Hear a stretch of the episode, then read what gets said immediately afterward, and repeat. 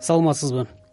Кыргызстанда эки миң жыйырманчы жылдын март айында коронавирустан улам карантин жарыяланып бир айга жетпеген убакытта бишкекте үй бүлөлүк зомбулук көрсөткүчү алтымыш эки пайызга көбөйдү.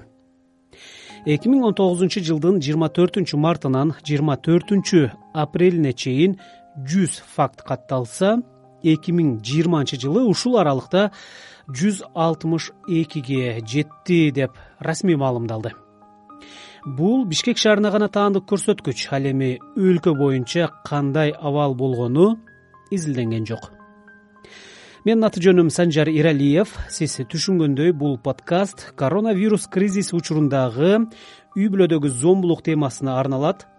Алдыда илдеттен улам карантин жарыяланган кезде тагдыры өзгөргөн мекендешибиздин ойлорун угасыз. Аялга азапты берген түшүнбөгөн аялды колдобогон ушундай эркектин коому да көбөйүп атат да мени ушул нерсе аябай ойлондурат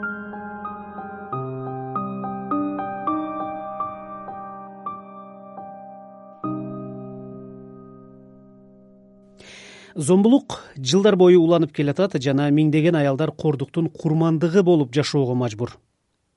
Кордук дегенде күч колдонуудагы зомбулукту гана түшүнбөңүз.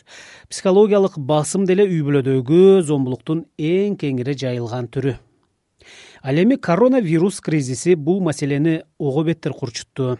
Анын себептерине кийинчерээк токтолом. Азыр бишкектик мекендешибиздин отуз үч жаштагы келиндин сөздөрүн угалы. Бул келин азаттык радиосуна өзү кайрылган. Пандемия мени кандай өзгөрттү? деген темада сынак жарыялаган элек ошол сынактын алкагында бизге whatsappтан байланышкан бирок мен сынакка катышпайм. Болгону карантин учурунда жашоомдо болгон өзгөрүү жөнүндө айтып башкаларга бөлүшкүм келди деген болчу. Бул келин мен жогоруда айткандай психологиялык басымга кабылганын айтып берди. Бирок аты жөнүн ачыкка чыгарууну каалабады. Үнүмдү да өзгөртүп койгулачы деп суранды. Муну мен кыргыз коомундагы кыз келиндердин үй бүлөнү сактап калууга жасаган бир аракети деп бааладым. Бирок ал үчүн кордукка чыдап жашай берүү керекпи негизги маселе ушунда. Ынтымактуулук болсун урматтуу айымдар жана мырзалар мен өз оюм менен бөлүшкүм келди. Пандемия мага кандай таасирин тийгизди деген темада пандемияга чейин мен өзүм иштегем жолдошум да иштеген. Пандемия убагынан бери үч айдан бери экөөбүз тең үйдөбүз. Экөөбүздүн тең чыныгы жүздөрүбүз ачыкка чыгып бир үйгө батпай калган убагыбыз экөөбүздүн ушундай мамилебиз сууп ушундай күнгө жетип калабыз дегенди мен такыр ойлонбоп турмун. Азыр экөөбүз эки бөлмөдө күн кечирип аткан убагыбыз. Менин башкы темам бул эмес. Урматтуу айымдар эжелер сиңдилер башыңыздардан өткөн кыйынчылыктар жөнүндө кеңешип кетсеңиздер мен ар бириңиздерди комментарийден күтөмүн. Жолдошуңуздардын саткандыгын кордогун муздак мамилесин кандай көтөргөнсүздөр кандай чыдап жеңгенсиздер турмуштун кыйынчылыгына кандай турмуштун кыйынчылыгын кандай көтөргөнсүздөр мен сиздердин ойлоруңуздарды уккум келет мен жөн эле мындай ичимдеги болгон арыз муңумду сиздерге жеткиргим келди. Биздин жашаганыбызга он эки жыл болду ортодо үч балабыз бар. Үй жайыбыз машинабыз баары бар кудайга шүгүр бар болгону үйдө ынтымак жок бакыт жок береке жок. Уруш күндө ошо болбогон эле нерседен уруш талаш көп болот. Байлык менен деле бакыт тапса болбойт экенине менин көзүм жетти да. Биз наоборот башта эчтекебиз жок кезде бактылуу болуп бир нанды бөлүп жеп эле ушундай тынч жашаган убактарыбыз көп болгон да эми.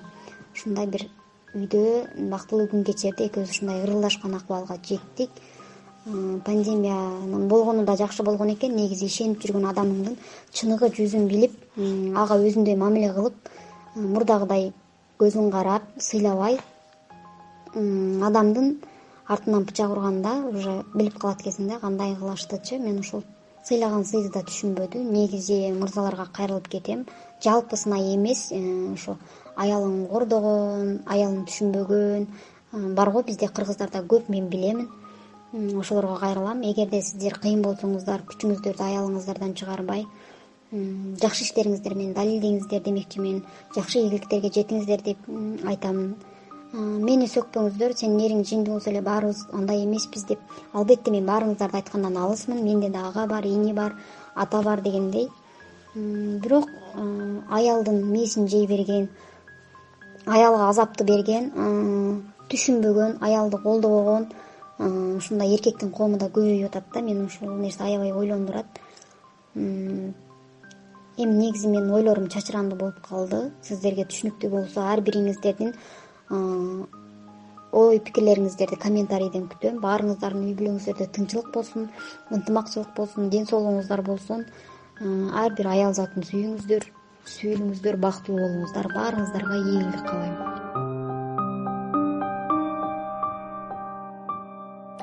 сиз э, бишкектеги конуштардын биринде жашаган келиндин баянын уктуңуз ал коронавирус карантини учурундагы абалын айтып берди. Мен башында айтканымдай бишкекте карантин маалында үй бүлөдөгү зомбулук алтымыш эки пайызга көбөйүп кеткени расмий кабарланган. Ковид он тогуз кризиси ансыз да кыргыз коомунда чоң көйгөй саналган зомбулукту ого бетер курчутту анын себептерине токтололу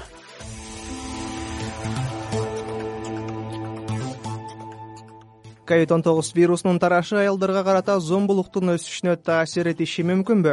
Карантиндеги социалдык ойчулануу автоунаанын жоктугу жардам көрсөтүү кызматтарына жетүүдөгү кыйынчылыктар жана стресс аялдарга карата зомбулуктун көбөйүшүнө шарт түзүшү мүмкүн. Анын үстүнө илдет коркунучунан улам кыргызстандын жарандарына үйдө отуруу тууралуу берилген сунуш дагы эле күчүндө мындай абалда аялдарга өнөктөшүү тарабынан зордукчул мамиле көбөйүшү ыктымал аялдарга жана алардын балдарына карата зомбулук мурда өкүм зордук көп катталган үй бүлөлөрдө. Чыр чатак көп болгон үйлөрдө жогорулайт. Карантинден улам алар бири бири менен дайыма чогуу болот. Каржылык тартыштык жана жумушсуздук кошумча стресс жаратат. Үй бүлөдөгү зомбулук аялдын жана анын балдарынын саламаттыгына терс таасир этет аялдарга карата зомбулуктун кесепети денеге гана жараат келтирбей тулку бойго жана психологиялык саламаттыкка олуттуу зыян кылат.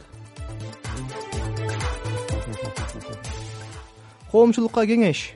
Пандемия маалында аялдарга карата зомбулук тобокелчилиги жогору экенин билиңиз. Жардам көрсөтүүчү кызматтар бар экени тууралуу аларга маалымат берүү керек. Зомбулукка кабылгандар көмөк сурап жүз он эки же жүз эки номуруна телефон чалса болот жана зомбулуктан жабыркаган аялдарга жардам бере турган кризистик борборлорго кайрыла алышат. Эскертмени айкын багыт коомдук фонду коопсуз үй маалымат өнөктүгүнүн алкагында юсаидтин жигердүү жарандар долбоорунун колдоосу аркылуу азаттык менен бирге иштеп чыкты. Сиз азаттыкта аялдарга карата зомбулукту азайтууга багытталган подкаст уктуңуз байкаганыңыздай аны айкын багыт коомдук фондунун коопсуз үй маалымат өнөктүгүнүн алкагында жасадык. Маалыматтык өнөктүккө юсаидтин жигердүү жарандар долбоору колдоо көрсөтүүдө. Менин аты жөнүм санжар эралиев үйүңүз коопсуз болсун зомбулукка каршы чогуу күрөшөлү